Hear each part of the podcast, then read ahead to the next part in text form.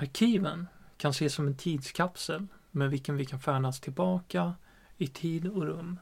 Idag ska vi öppna en sådan kapsel till året 1918 när spanska sjukan härjade som värst. Tiden speglas genom en 12-årig pojkes dagbok.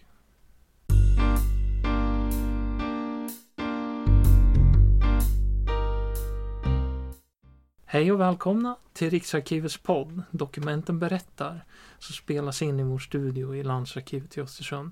Jag heter Martin Ahnström och är arkivarie här. Och med mig i studion har jag Jim Hedlund, arkivpedagog. Hej och välkommen Jim! Tack så mycket! Eller måste jag välkomna dig? Du jobbar ju här. Ja, jag jobbar ju här. Men eh, nej, det är trevligt ändå att bli välkomnad så här. Ja, hit in till arkivstudion. Ja, jättefint. Det är ju det. Ja, Och du har tagit med dig eh, lite material ifrån arkivet här. ja, Eh, vi ska få dyka in i den unge gossen Karl Karlssons liv. ja, det är ju jättespännande arkiv tycker jag. Han har ju både dagboksanteckningar och lite annat. Det är ju som ett eh, familje eller personarkiv det här.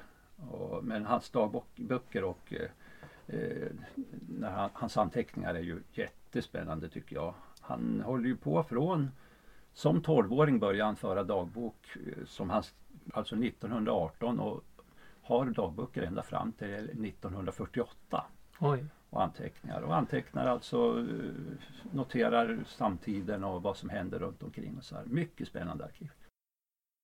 Eh, vart bodde han någonstans? Han var uppväxt i Lockne i, utanför, i Jämtland, eh, ett par mil utanför Östersund. Eh, Ja, bondgård där då, en riktig bondpöjk som man sa här då. Härligt. Mm. Vi kanske ska nämna någonting om Karl Karlsson och hans familj. Ja, han, Eh, han var den äldsta sonen va? ja, äldst av fem. Och hade tre, eh, alltså tre små bröder och så en, en eh, dotter, tänkte jag säga, en liten syrra då. Och mor och far bodde där på gården. Hans farfar hade ju flyttat från Bodsjö i Jämtland. Det är inte så jättelångt ifrån Locknen då. Och köpt den här eh, eh, Nordanberg, gården här i Lockne. Och eh, det är väl därför också sen han tar upp det här igen och byter namn från Karlsson till Norheden så han vill behålla. Mm. lite grann. Ja, eh, och vi, vi tittar på ett foto här, ett familjefoto ifrån 1918. Ja, Eh, och då står de, de verkar ha besökt någon fotostudio då, Axel Olssons fotostudio. känd fotograf här. Ja. Ehm, och då sitter mamma och pappa sitter i varsin stol då. Mamma ser lite nedtagen ut. Hon gör ju det. Jag ser ju det. Och det är pappan som har barnet i knät ser du. Ja, visst. Eh, hon ser, hon har ju varit sjuk hela hösten i Ja, hon ser Spanska. lite... ja, hon, Ner, hon ser nedstämd ut. ja det gör hon. Hon ser mer föråldrad ut än hon ser än, än pappan. Ja, absolut. Eh, men barnen ser ju allmänt friska ut. ja, ja, allihopa. En av ungarna är till och med lite suddig på bilden här Ja. för han har rört sig så fort. håller sig inte så still där nej. Nej. Jag tittar också på fotot här. De, de ser väldigt allvarliga ut så här. Men Karl eh, han drar på smilbanden lite. Ja, han är lite munter. Ja, Ja. han drar, eh, Kanske är det på grund av hans oerhört fina slips. Ja, som vilken han har. slips han har! En polkadott prickig eh, slips. Som kanske är gul. Vet- Vi och gissar på gul. Ja, vilken färg är den? Det är ju svartvitt men den ser Ja. ju, den lyser på det till kostymen som han står här. Men eh, vi kanske ska öppna skrivboken då och Ja. se vad han har, vad han har att, att eh, säga om sin samtid. Så då, titta! Ja. Svårtydligt. Ja, eh, handstilen är väl kanske inte den vackraste. Nej, och det är ju tur att eh, han har... Det bör det väl kanske inte vara på en 12-årig pojke. Nej. Nej, det är ju tur att han har redan skrivit det själv på maskin sen då. Även om det är kom- sidokommentarer på det. Men det är det, är det som räddar det här. jag kan, ta, kan jag läsa lite grann här? Onsdag den 4 september. Vädret är blåsigt men torrt. Imorgon börjar skolan. Det är sista gången. Till våren slutar jag och det känns vemodsfullt därför att det är sista gången. Jag skulle vilja vara hemma lite längre för att hjälpa till med skörden. Men skoltiden är ändå den bästa tiden. Jag trivs med jordbruket men ändå skulle jag vilja fortsätta att studera fast det är ju omöjligt. Ja, stopp där och det säger väl en del. Han är ju då mellan två världar här. Och Ja, precis. Han är ju född på en bondgård. Han tror ju sig inte kunna läsa vidare sen efter sina studier. Men han blir ju faktiskt lärare den här mannen. Folkskollärare. Till och med lärare åt den kände sportjournalisten Sven Plex Pettersson. Ja, jag tycker den här är, är så häftig för den, den speglar så mycket. Det är ju en, väldigt turbulent tid. Dels så har ju första världskriget, de vet väl inte att det håller på att ta slut än här. Nej, Och det är ju kriser om varannat och det, han är ju en bondpojke och det är ju kris i Sverige mellan arbetare och ja, arbetarrörelsen börjar komma fram och Mhm. i den här familjen är det som, det blir ju motsättningar på många fronter. Du har väl en begynnande svält också Ja. som drabbar landet Det senare? var, det var redan svält och det Jo. var lite ransoneringar och så här så det, det skriver han också om. Han skriver om ändå om utvecklingen som är på gång. De får elektriskt lyse. Ja, Eh, det är ju jättekul. Ja, och så just hur runt det hela. Det är ju inte helt eh, friktionsfritt när det kommer. Det håller väl inte så länge första gångerna men det är ändå det de ser fram emot. Framtiden. På något Precis. sätt så finns det där. Ja. Och mitt i den här dagboken så, så drabbas ju hela den här området av spanska sjukan och det kommer ju att färga dagboken ganska starkt. Det gällde ju inte bara Lockne utan det gällde ju Jämtland Ja. överlag då. Att Men här går det både ner på bynivå väldigt eh, och sen ja, till och med nationell nivå. Ja, har vi något mer exempel? på Ja, jag tycker den här är ju är lite häftigt. Det är ju alltså, nu blir det ju bara, jag kör igång i september ändå, men det är här första gången när de börjar sätta upp till belysningsstolpar, står det här. Eh, det står ju så här då att eh, de har satt upp färska furustolpar som huggits under sommaren och det ska bli skönt att få vrida på en knapp så att det blir ljust och slippa möas med de usla karbidlamporna. Skriver han ju då så här. Och jag vet också att på något ställe så när de väl testar de här lamporna så det är väl en lampa förstås. Så den lyser ungefär 45 sen smäller allting och det blir svart. Men de där 45 minuterna var underbara. Så var det bara att byta ut den. ja, det gällde väl Ja, att fixa jo, men det nya. var ju ja, en ny tid som kom till Jajamän. Lockne. Det är ju det. Man vet ju att det var ju inte så många elektriska lampor på en sån här gård i början. Det var Nej. kanske en in och en i ladugården liksom. Det, Ja. Men det var nog så revolutionerande. ja, det är klart. Vi kör på. Ja, vi kör på. Eh, jag kan ju ta lite grann. Eh, här, redan här nu så, nu är det ju september och då har ju spanskan gjort intrång i, i Jämtland. Och han skriver här den fredag den 6 september så skriver han eh, så här. Mamma är något skral. Förmodligen spanska sjukan i lindrigaste laget. Men den rasar fruktansvärt här. Jämtland är en av de svårast hemsökta delarna av Sverige. Dagligen inträffar flera sjukdoms och dödsfall. Somliga dagar insjuknar ända till 50 personer eller fler. Hjälporganisationer upprättas för att hjälpa dem av spanska sjukan hemsökta. Och alla människor här är rädda, står det. Ja, Och det kommer, och efter den här eh, noteringen så kommer att nämna spanskan hela, varenda dag. Det är första gången spanska sjukan Ja. dyker upp i dagboken. I, i dagboken ja. Just det. Och nu, nu liksom så, så ser man den här ångesten dag för dag och det är alltid någonting. Ja. Antingen att nu, ja, än så länge är vi friska eller så rapporterar han om någon granne eller något som har Just det. sjuknat in. Och så. Det, det är lustigt det där med spanska sjukan eh, och Sverige men även Jämtland. Då. Det är att de vet inte riktigt vad det är som drabbar dem först. Nej, på den här det, det, det, stod, det gick ut att det var en influensa och i Ja. början så till och med avdramatiserade man den. Jag vet ju några notiser i DN när man sa det är som en vanlig influensa. Man, Ja. När man är lite sjuk en vecka eller mer längre. Och Precis. bara några dagar efter så var det ju alarm att eh, den är rätt dödlig den här också. Så att, Mm. eh, Sen kom Men- den ju i, i, två, i tre vågor men den andra vågen gick ju så snabbt när den kom över sommaren. Och anledningen till att det tog så lång tid att erkänna spanska sjukan som en farlig sjukdom för samhället och Europa i stort hade ju att göra med kriget. Ja, Första, eller första världskriget. Då. ja. Man kan väl säga att eh, det var liksom där när det kom till Europa från Amerika eller vart det nu kom ifrån. Ja. Men man ger ju ofta skulden till de amerikanska soldaterna som kom in. Med, många var ju redan dö- döda på båtarna när de kom. Oj, Och det var där som det spreds, det blev som ett centrum där det spreds ut. Men det var ju som tyst för det, för det var ju alltså eh, militär, eh, vad ska man säga, det var ju ingen... Militära hemligheter. Ja, det blev ju militär hemlighet att det var, gick en sjukdom. Jag menar om tyskarna fick reda på att det på andra sidan eh, ingenmansland fanns en sjukdom som, gjorde, som lamslog i alla soldater på Ja. fronten. Då hade de ju kanske attackerat då. Ja, och det samma därför tänkte man ju, var tyst. och det samma tänkte tyskarna att de får inte veta att vi är lamslagna.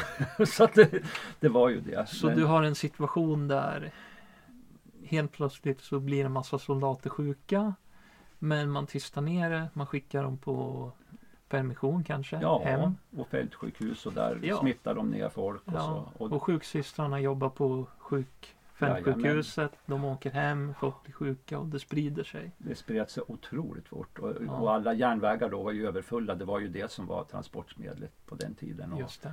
och det gick ju hela tiden eh, fulla tåg åt alla håll och kanter. Så det spred sig snabbt eh, på det viset. Ja.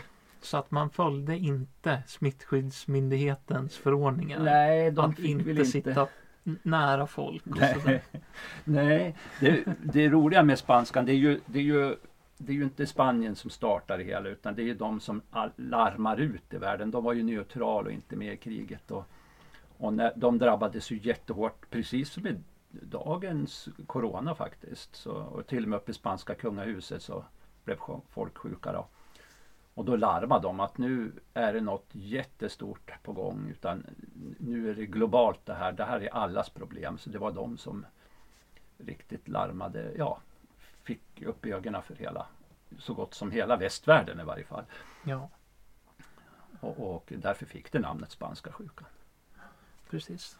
Sjukdomen kom ju inte därifrån. utan- Nej, nej det, är ju, det finns ju många olika teorier vart den kom från. Men det är ju det brukar vara Asien tyvärr där det, de här det. influenserna uppstår. Det. Ja. Ja. Och på den här tiden så visste man ju knappt någonting om virus och bakterier och Nej, sådär. bakterier var hade man koll på. Jo, precis. Men det ju gick inte. Det här är ett virus och det hade man ingen Nej. aning. Det var ännu mindre. Och, och som sagt, det finns ju inget som biter på virus än idag. Nej, nej visst. Det är bara att hålla sig undan. Då. Det är bara att ducka och hoppas på det bästa. Det är bara att ducka. Och jag antar att det är det Karl Karlsson gör också. Eller? Ja, de blir ju... Det här är, för familjen. ja, familjen är ju... Han rapporterar, de jobbar väl på som alltid och han rapporterar ju det. Men det, det som händer är ju att de stänger ju faktiskt skolorna här till slut. Och de stänger så att det, de får ju inte gå. Det, är- det är inte länge de hinner börja skolan där i september så får de ju åka hem igen och, och ja, sköta det ändå. Då, för det blir väl förskjutet och jag tror knappast de hade hemstudier där. Eh, Det, det blir han väl ledsen över. han tycker ju det är jobbigt och så här Ja. men han som sagt han gör ju mycket hemma. Det är ju, han plockar bär åt familjen och de är ute och han, det- han skriver ju om sånt då. då. Bärskördarna har slagit fel i år, åtminstone här i Jämtland. Men vi är anna, alla ännu friska och krya står det söndag den 8 september till exempel. Mm. Eh, jag kan ju också ta något som är intressant i den här tiden för det är liksom stort som smått. Han berättar ju om eh, Suggan har grisat och kommer med nio pigga små kultingar och, och så här. Och samtidigt så skriver han att eh, eh priser och på allting har, eh, skriver upp och så maten börjar för oss själva nu ta slut. Oj då. Vi har skrapat sädeskättan och mjölet och brödet är det snart slut så de kommer också få svälta nu. Ja, just det. Eh, och och eh, en tid står det. Vi kommer nog få svälta här i huset en tid. Oj. Han är lite dåligt med kläder och så här och ett par manskor kostar idag 60 till 75 kronor. Han, han liksom slänger in stort som smått och så mitt i allting så kommer det in spanskan igen. Det är så det, det snurrar runt. Det är Det är en skriver. vanlig dagbok. Jajamän. Sådär, ja. Och det, är, Det handlar inte in bara allt. om spanska sjukan. Utan, Nej, det är som du säger, det är Det är verkligen livet. dokumentation av den tiden. ja. Och något som jag reagerar på också är att han 12 år så han är väldigt medveten om hur det politiska läget är i Sverige. Och det är ju liksom grovarbetare, vad de tjänar och vad en bonde tjänar och de här motsättningarna som blir sen. Det var ju som sagt svält. Startar ju Ja. motsättningar när folk är riktigt hungriga och så här. Alla Ja, vill ju försöka ja. se vart problemet vad, ligger. vad skriver han om det här då? Eh, Ja, eh, han tycker bönderna de har det bra för de jobbar ju själv på, åt sig själv men de har inga rättigheter, bara skyldigheter menar han på. ja. Nu är han ju, 12 år. han är 12 år och Vi ska han är komma bondson. Han, är, han, är ju, han jobbar ju till det. Men han menar ju på de jobbar ju än värre. Det finns ju ingen som jobbar så mycket som en bonde menar han. Nej, De här arbetarna gnäller och skäller att de har överflöd men det har de inte. Och det är det där. Och här kan man ju märka att det börjar bli lite knapert med mat här på hösten. Ja, så är det ju. Och eh, det kommer ju bara bli värre. Tills de kan börja skörda nästa år då. Ja, ja, det var ju så. Men han avslutar det här. Men om det blev slut på kriget och militarismen, Just menar det. han, då, fortgång, då skulle det väl kunna bli en bättre tid en gång till. Och så avslutar han igen. På vår gård är alla friska än. Ja, Så härligt. han måste hela tiden ta in det. Ja, det är spanskan som avslutar brevet då. Ja, Mm. Och en annan grej om spanskan kallades faktiskt Östersundsmodellen utifrån, utifrån Östersund var hårt drabbat som stad. Och därför dels kallade de ju spanska sjukans huvudstad. Och, Just det. eh, men det var inte bara för att det dog så mycket folk. Det var också för att de var snabb ut och hade lösningar hur man skulle försöka stoppa det hela. ja okej. Just genom isolering, man byggde upp extra sjukhus. Man plockade faktiskt bort de sjuka från de friska och satte dem på karantän. Eller vad man kallar det. De isolerade ju dem på sjukhusen istället för att låta dem vara och flytta de friska liksom. Så att det var lite, det, det, det blev som en stil hur man skulle liksom hantera det här och försöka Mm. få stopp på spridningen och så. Då. Det. Sen spanskan brände ju ut sig själv sen efter ett tag så då var den ju borta. Men det visste de ju inte då. De visste ju inte hur länge. Nej, det det, här är klart. skulle vara. Man vet ju aldrig hur situationen kommer arta sig när man är uppe i det. Och det, är just den här, det, det är ju den här massdöden som är, är värst. Det, det, är ju inom, alltså här pratar vi inom tre, fyra veckor. Mm. Det, det, den här, jag vill egentligen är fyra månader om man tittar den här andra vågen. Men det är, det, den här jättemassdöden är tre, fyra Precis. veckor. Jag förstår att de var helt skräckslagna. De förstod väl ingenting. Nej, Och det ruskigaste är den andra vågen. Då har den ju muterat och det det. har lyckats bli en riktig alien det här. Så den slår ut alltså de starkaste, den livskraftigaste liksom människan. Det är de som drabbas. det är de unga som, Ja. som går bort. Över 80 procent är det så är de mellan 20 och 40 år. Just det. När man är som starkast och har som mest då, är det är de som är Ja. den stora målgruppen för det här alien. Men okej, vi kanske ska... Nu har vi pratat ganska mycket om spanska sjukan. Ja. Då kanske vi ska förklara vad spanska sjukan var för någonting. Vad var det för typ av sjukdom? Eh, de, man, man pratar ju om tre vågor. Den kom, en influensa som kom i tre vågor. Idag har man ju sett att det är ju en, en fågelinfluensa Ja, som kom. Och dödligheten på första vågen är ungefär som en vanlig influensa. Men andra vågen, då har det muterat så det blev ju en riktig dödlig. Alltså det, den kanske den absolut dödligaste sjukdom som dödat mest folk på kort tid. Man det. pratar ju om eh, siffror på 50 till 100 miljoner globalt som dör. just det. Mm. Så att Det är ju, den, en hel del. Ja, om man tittar på jordens befolkning vid och så just de här månaderna bara. Ja, Och sen bara försvinner den ur historien. Liksom. ja. Det är en lieman som går över jorden Ja, i några veckor Ja. och sen går han vilse. ja. Sen, sen är han nöjd för tillfället. Men eh, som sagt, eh, det, den, eh, den dräpte ju enormt. Och, och sen givetvis faktorerna här var ju liksom de, här var det mycket ung befolkning. Mm. Norrlands inland hade mycket ung befolkning, många som flyttade in och de kanske inte hade immunitet på det Nej, viset. det. Eh, det visar sig ju globalt att alla sådana här öar, öar i Västindien och, och så här som hade, ung- de dog ju nästan ut helt många. Mm. Samaöarna dog ju eh, liksom en fjärdedel Oj. försvann. Likaså Nya Zeeland. Maorerna hade ju, eh, 20, eh, vad blir det, de hade fem gånger så hög dödlighet som de vita på Nya Zeeland. Just det. För de var liksom, hade varit isolerad. Vissa inuitsamhällen, alltså nu pratar vi nordligare delarna, dog ut helt. Vissa Mm. indianstammar dog ut helt. Just det. Eh, olika naturfolk, nomadfolk och så här också dog ut. Samer skulle det visa sig, samisk befolkning drabbades mycket, mycket hårt. Ja. Så den, eh, den dräpte ju, där fanns det en faktor. Andra faktoren var att det var väldigt trångt, det var stora arbetsplatser, industrin ångade på mer än någonsin då. Stora, mycket folksamlingar, tågen var överfulla, alla fabriker, det var i Sverige, Televerket hade enorma fabriker. De byggde ut kraftverk, de byggde ut, eh, Mm. ja, vad sa jag, järnväg. Ja. Många är- unga män som samlades, blev Ja. sjuk, Ja. åkte hem till hembyn eller till sin familj. Och sen, Kom hem till Skara, Ja. Och sen så spred det sig så. jajamän. Ja, just det. Men sjukdomen då i sig, Mm. hur, hur, vilka symptom fick man? Ungefär som idag, man hade väl stark huvudvärk, mycket matt. Många blev ju väldigt matt, de kunde inte ens röra sig. Det ser man ju på de här sjuka, de orkar inte. Nej. De försöker ju hjälpa varann på vissa sjukhus men de är ju så matt och så stark huvudvärk. Frossningar. Och sen på de yngre sen det här, då började de ju se att de blev lite blålila färg fick de ju så här. Oj. Och hostar ju väldigt. Ja. Och om man, om man säger det här mest dramatiska, det kunde ju ta tre, fyra dygn från att du Just hade det. huvudvärk till du avled.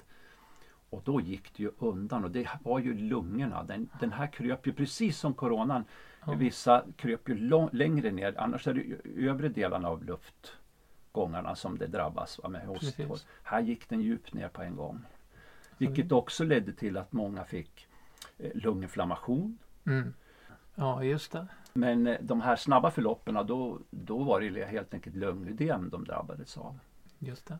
För eh, den, var, den här ejlen var så finurlig, om man får säga så.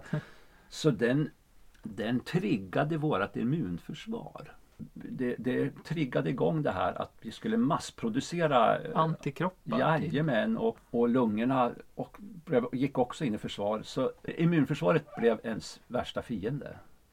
Vi har ju något eh, exempel ur Carl Karlssons dagbok där. Det På just en sån här eh, en person som, eller en ung man som, som går bort väldigt fort. Ja, det här är så dramatiskt så det, man blir så här, nu, man förstår ju hur han, ja jag läser den. Ja, gör det. Lördag den 28 september 1918. Jag har försummat dagboken länge nu. Men spanskan grasserar som förut. En stark, livskraftig och lovande yngling på 22 år, Per Festin i Ångsta, har avlidit. Han jordfästes i, torsdag, i torsdags nu på sin 23-årsdag. Så kan man läsa. Han var sanslös i fyra dygn så hans anhöriga ej fingo tala med honom ens under hans dödsstund. Och i detsamma han dog forsade det blod ur både näsa och mun på honom. Och det är många som sörjer Per Festin. Dessutom har fyra andra dött här. I söndags jordfästes tre av dessa och ett av dem var ett barn på tio månader. Eh, eh, så står det i söndags, ja förlåt. Hilding i Fren, 15 år, ligger svårt sjuk med 40 och eh, en halv graders feber. Hans bror John ligger också sjuk. Hilding är granne till oss och har varit mycket vi har varit mycket tillsammans. Mamma har varit sjuk i tre dagar nu, men det var nog kanske inte spanskan. Och nu är vi alla friska igen, skriver han då. Och Men- det här handlar om Lockne. Ja, Alltså hans by då. Ja. In, inte, ja, det handlar ju om Lockne församling Mm. såklart. Men det handlar ju mest om, om de sjuka i byn där ja det är bor. de han känner det här Ja. som han eh, radar upp. och just det här den här unga 22 år vet ni, då är man ju i sitt livs form egentligen. Ja, det är man ju. Och det skriver han ju, stark och livskraftig och lovande yngling. Men eh, det gick fort för han. Och just det här exemplet att han, eh, de blir så borta direkt. Och, och Här har vi ett jättebra exempel på hur sjukdomen sparkar igång immunförsvaret. Och Jajamän. att det är det som tar Och- koll på en. och det som är tycker jag med det här också, när man pratar om sånt där så är det mycket siffror. Det är så och så många döda, det är den och den och det är procenttal hit och dit. Men här är ju människ- hur man ser sjukdomen och upplever den. Och då blir den ju väldigt alltså det är skräckinjagande med, med sådana scener när de ändrar färg i ansiktet. Man, det är skildringar hur, hur, hur ja, det rinner, bara det att det rinner blod ur näsa och mun för folk att se och anhöriga och så uppleva Ja. det här måste vara fruktansvärt. Och framförallt att veta att det finns ingenting Nej. du kan göra. Maktlöshet. Ja. Liksom. Och det var ju många gårdar som slogs sönder just för att det var de som skulle ta över de Ja, starkaste som ofta Precis. ibland till och med så var det de som tog hand om de äldre i familjen som var sjuka i början. Och så sjuknade de här in själv, alltså de här ungdomarna och dog framför ögonen på dem. just det. Så det, det, är, den är, det måste ju, jag undrar vad man, vad man tänkte. Ja. Ehm, det är ju hela spanska sjukan när den härjade i Sverige. Det är ju ett minne som eh, folk verkar ha vilja glömma efter eh, Ja, det här. det finns ju, jag vet ju till exempel, det finns ju de som har eh, när de skulle, de har ju försökt att dokumentera det, men, ja, men det där pratar vi inte om. Det har varit mycket sånt Ja, eh, när de har sagt det. det. där var, det, det, nu, det blev ju bättre sen och det, och det Mm. hände ju så och väldigt, väldigt mycket sen de här åren. Visst, det blev fred på jorden. Ja, Eh, ekonomin började blomstra igen Ja. för Europa skulle byggas upp och sådär. Exporterna gick som Ja. på räls. Eh, Och, bokstav, ja. Just det här med det var mycket reformer, sociala reformer som tog fart, eh, väldig fart efter det här. Så att det är väl egentligen på senare år den här sjukdomen har fått liksom fokus igen. Jag vet ju många skolböcker, det var ju inte ens en rad. Det står ju om första världskriget. Jag menar de eh, de bombar ju och gasar och sprutar Ja, eld och mördar varann i, Jo, i jo, fyra och ett halvt år och lyckas ta ihjäl en sådär en 10 miljoner då. Mm. Och, så, och det har vi koll på. Det, man kan få till fred. Det, folk sansar sig och så blir det fred eller någonting. Mm. Och så kommer en liten, eh, ja så på jämska säger man kuse, en liten alien Mm. och bara slår ut oss. Och Mm. det är tiodubbla dör på bara någon månad. Ja, Det här är ju, det är för, kanske för läskigt för att förstå. Då, då är det bättre att lägga den åt sidan. precis. Vi överlevde. Ja, Tack gode gud. ja, Nu går vi vidare med livet. Ja. Eller någonting i den stilen. Det kanske också är ett traumatiskt minne. Sådär. det är det ju. Eh, och kanske någonting man ogärna pratar om sådär eftersom det är väldigt Det har varit ganska starka minnen Mm. för, för de som upplevde det här. Ja. Bland annat Carl Karlsson då. Absolut. Han, det, som sagt, jag har ju inte tittat igenom de här andra dagböckerna. Det ska bli jätte, det är ju, det ska bli jätteintressant den dagen jag har tid Ja. att göra det. Ja. Men, men de här, det här liksom fångade mig så hemskt just de här, eh, de här, den här första boken i, i just den här tiden. Jag kan förresten, han, hade ju, han, hade, han har skrivit om eh, ett hedniskt ordspråk som just handlar om spanska sjukan just och då skrev han så här om sin vän Hilding som hade dött också. Han var 15 år han. De gudarna älska dö unga, skrev han. Just det. Och därför fick, och, och eftersom Gud älskade Hilding fick han dö ung, skriver han. Eh, Det är någon slags tröst i det här, i, Ja, i ja. förtvivlan. Då, så här. Mm. Och sen fortsätter det ju som sagt, det är klasskompisar mera som dör och det är någon 13-åring här, ser jag bara när jag glimtar ner här. Och, och mitt i allting så står det här om eh, grödan de har fått in, att det var lite potatis och det är så här så att han blandar som sagt, nu kommer vi in igen. Han avbryter eländet med att berätta hur mycket de har fått in och skördat. Ja, just det, det dagliga. Mm. Ja. Nej, mycket intressant. Han är, det, det är spännande. Eh, Spännande arkiv. Så här ska arkiv vara, tycker jag. Ja, precis. Jo, det, det är ett, eh, ett arkiv med tre volymer. Eh, med handlingar som sträcker sig mellan 1918 och år 2000. Mm. Hans minnesanteckningar och eh, dagböcker och sådär. Lite fotografier har vi i, i arkivet. Mm. Det finns också en anteckningsbok från hans eh, bror. Ja, ja, lite uppgifter om hans mamma och sådär. fina foton från gården och Ja. lite sånt här. Och Ja, studieresultat till och med ju. ja just det. Ja. Och lite lektionsupplägg som lärare. Det kan ju, om någon vill lägga upp gamla lektioner igen så är det ju välkommet hit och se och lära. Det kan ju hända att det går. Gör en historisk eh, lektion. Mm. Han dör ju år 2000.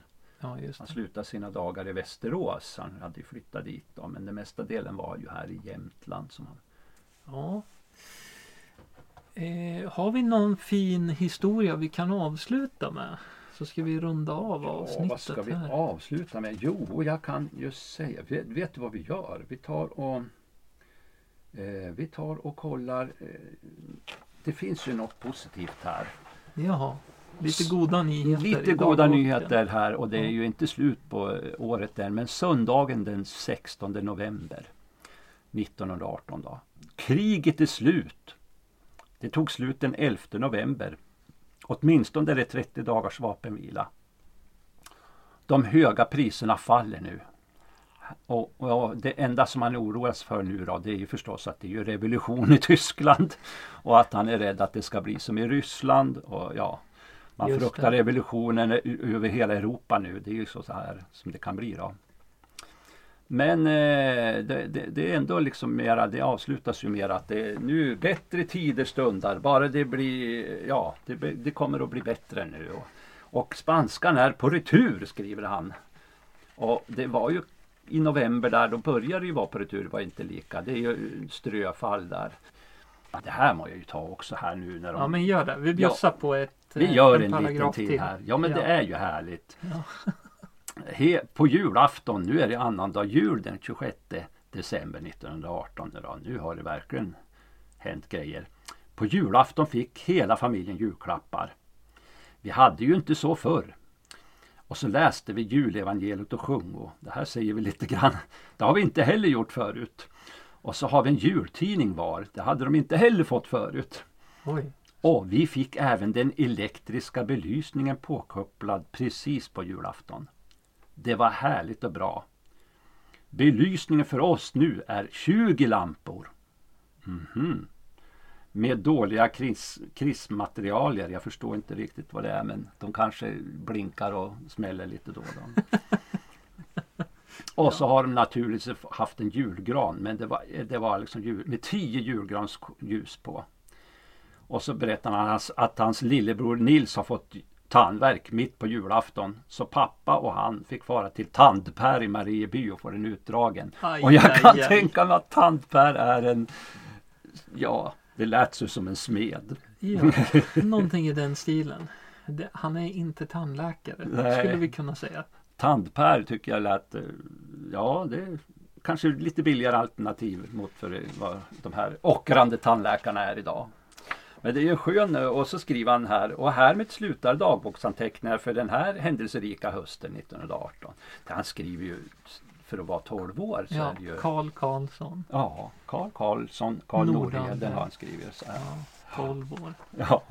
Ja, tack eh, Karl Karlsson Ja. för den lilla inblicken i hur det var att bo i Jämtland Ja. när spanska sjukan kom under 1918. Och som vi har sagt tidigare, ni är hjärtligt välkomna hit till Landsarkivet i Östersund och eh, förkovra er i dagböckerna själva om ni är intresserade. De finns här och väntar på er. Ja, det här kan man använda till precis vad som helst. Det går att forska, det går att göra dokument, det går att göra film. Det, går, det, Det här går, går att det, göra absolut. precis. En, en roman. Det är ju fantastiskt material. Ja. Tack Jimmy Lund. Tack själv, jättetrevligt. Ja. Och tack alla ni som lyssnar där ute. På eh, återseende. På återseende. Tack så mycket. Hej.